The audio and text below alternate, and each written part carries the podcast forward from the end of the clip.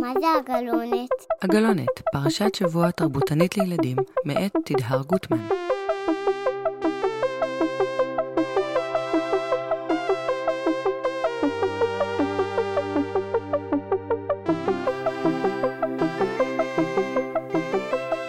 שלום לכם, אני שמחה שהצטרפתם אליי לפרק חגיגי של הגלונת לכבוד חג השבועות.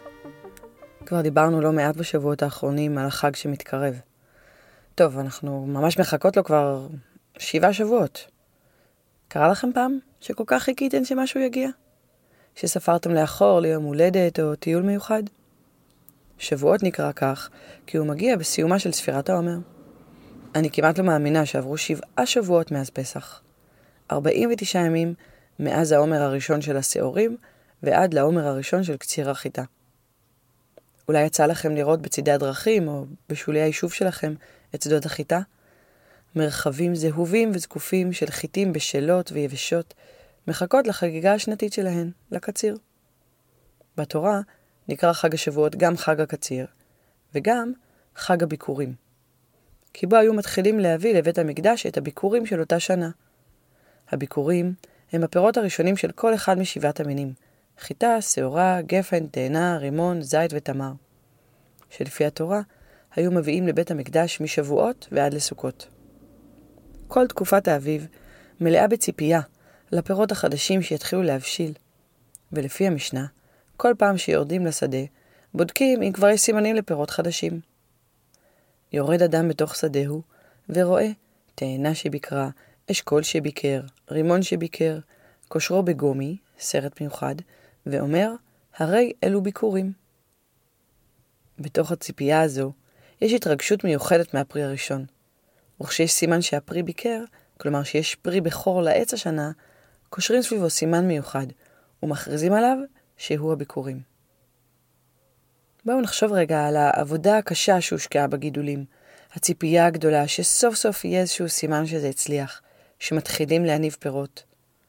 יש הרבה כוח בהתבוננות הזו, וביכולת להכיר בסימנים ראשונים של הצלחה. נסו לחשוב במה אתם השקעתם השנה. איזה כוח חדש ניסיתם לפתח בעצמכם? איזו מיומנות חדשה התאמצתם לרכוש? תוכלו לסמן לעצמכם סימנים ראשונים של הצלחה בהם? של מה הביקורים שלנו השנה? צלנו על כתפינו, ראשינו הבטורים, מקצות הארץ בנו, הבאנו ביקורים. המשנה גם מתארת איך נראית התהלוכה החגיגית של מי שעלו לרגל לירושלים והביאו את הביקורים שלהם. הקרובים מביאים התאנים והענבים, והרחוקים מביאים גרוגרות, תאנים מיובשות וצימוקים. והשור הולך לפניהם, וקרניו מצופות זהב, ועטרה, כתר, של זית בראשו. החליל מכה לפניהם עד שמגיעים קרוב לירושלים. הגיעו קרוב לירושלים, שלחו לפניהם, להודיעו שהם מגיעים, ואיתרו את ביקוריהם. הפחות, הסגנים והגזברים יוצאים לקראתם, וכל בעלי אומנויות שבירושלים עומדים לפניהם, ושואלים בשלומם. אחינו אנשי המקום פלוני, באתם לשלום. איזה תיאור מרגש. מצד אחד, כל העולים לרגל בתהלוכה חגיגית, מקושטת ומנגנת, ומהצד השני, מקבלים את פניהם אנשי ירושלים ומברכים אותם לשלום. בעצם, שלושת הרגלים, פסח, שבועות וסוכות, הם חגים שמתאימים ללוח השנה החקלאי. בעת העתיקה, בתקופת המקרא, רוב העם מתפרנס מחקלאות, והחיבור בין האירוע ההיסטורי שמציין כל חג, ובין המועד החקלאי, חיזק את הקשר של העם לחגים ולמשמעות שלהם לאורך השנה. לכן התורה מדגישה את ההקשר החקלאי של כל חג. בתקופות מאוחרות יותר, כשרוב העם כבר היה בגלות, הוסיפו משמעויות נוספות לחג, והדגישו את החלקים ההיסטוריים שלו, או שהצמידו לו עוד איזשהו מובן היסטורי. כשהתחדשה ההתיישבות הציונית החקלאית בארץ, חידשו החלוצים גם את הדגש על ההיבטים החקלאיים של החגים. ולכן, עד היום, מציינים ברבים מהקיבוצים והמושבים בארץ את חג השבועות בתהלוכות חגיגיות, עם הרבה גאווה על התוצרת החקלאית של השנה, וגם בדרך כלל על תינוקות חדשים שנולדו בה. אז מה ההיבט ההיסטורי של חג השבועות? בתורה לא מצוין איזשהו היבט כזה, אבל לפי המסורת, יום ו' בסיוון, שבו חל חג השבועות, הוא גם המועד של מעמד הר סיני, שבו נאמרו עשרת הדיברות. לכן מכונה חג השבועות גם חג מתן תורה. חשבתם פעם למה בעצם אוכלים מאכלי חלב וגבינות בשבועות? למה פעם, לפני שהיה מחסור במים כמובן, ילדים היו משחקים בו במשחקי מים? כדי לסמל כמה חשובה התורה ביהדות, וכמה הלימוד שלה מרכזי במסורת ובתרבות שלנו, חיברו חכמים מדרשים רבים על חשיבות לימוד התורה, והמשילו אותה לכל מיני דברים. להמשיל זה להגיד על משהו או מישהו שהם כמו משהו אחר, ולנסות ללמוד מהתכונות של המשל משהו על הדבר עצמו. את התורה המשילו להרבה דברים. לאש, לעצים, לחיטה, לתאנה, גם לגפן ורימון, וגם לחלב ולמים. ולכן נמשלה התורה למים, שנאמר, כל צמא לכו למים. כמו שאין אדם מתבייש לומר לחברו, השקני מים, כך לא יתבייש לומר לקטן ממנו, למדני תורה, למדני דבר זה. וכשם שהמים, כל הרוצה לשתות, ישתה בלא מחיר, כך כל הרוצה ללמוד תורה, לומד בלא מחיר ובלא כסף. כמו שאם נהיה צמאות, נבקש מים ממי שלידינו, לא משנה מי זה, גם אם הוא קטן מאיתנו. ככה אומר המשל, כדי ללמוד צריך לבקש ללמוד, ולא משנה ממי, בלי להתבייש.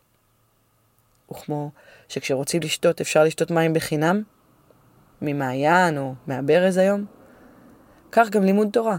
צריך להיות בלא מחיר ובלא כסף. הכוונה כאן היא כפולה.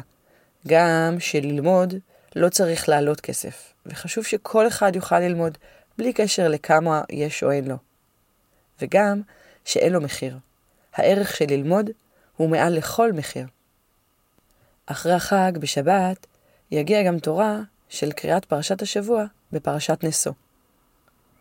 פרשת נשוא מסיימת לחלק תפקידים למשפחות שבט לוי, ואחרי שהיא עוסקת בעוד כמה נושאים שקשורים בהבדלה בין טמא וטהור, מה שעסקנו בו רוב ספר ויקרא, כמו להרחיק מהמחנה מי שלא טהור, ובדין של מי שרוצה להיות יותר טהור אפילו, ולהפוך להיות נזיר ולהתנזר מכל מיני דברים, מצווים הכהנים באחד התפקידים היפים והחשובים שלהם, לברך את העם.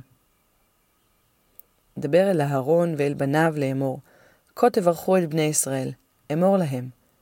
יברכך אדוני וישמרך, יאר אדוני פניו אליך ויחונקה, יישא אדוני פניו אליך וישם לך שלום. ושמו את שמי על בני ישראל, ואני אברכם. בברכה הזו מברכים עד היום מי שנמנים על צאצאי משפחות הכהנים את כלל הקהילה בבית הכנסת, ובשלושת הרגלים, סוכות, פסח ושבועות, נוהגים לקיים ברכה חגיגית עם המון משתתפים ברחבת הכותל המערבי בירושלים. בהרבה משפחות גם נהוג שביום שישי, אחרי הדלקת נרות אצל מי שמדליק, או לפני תחילת הארוחה, מברכים ההורים כל אחד ואחת מבני המשפחה. באתר של הגלונת תמצאו נוסחים שונים לברכה לילדה או לילד. חלקם מבוססים על ברכת הכהנים, חלקם מברכים בשם אלוהים, חלקם בשם האמא או האבא, ובשם העולם כולו. פרשת נשוא ממשיכה ומפרטת את הקורבנות שהביא הנשיא של כל שבט ושבט לחנוכת המשכן.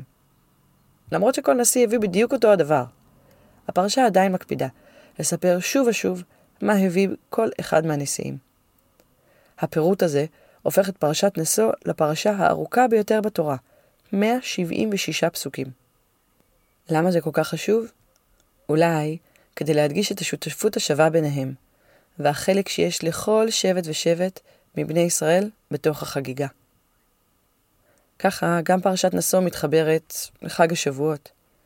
כמו שהמדרש אומר שהתורה ניתנה במדבר כדי שיהיו כולם שווים בה, התורה כאן מעריכה ומפרטת על כל קורבנות הנשיאים, כדי שיהיו כולם שווים בהם.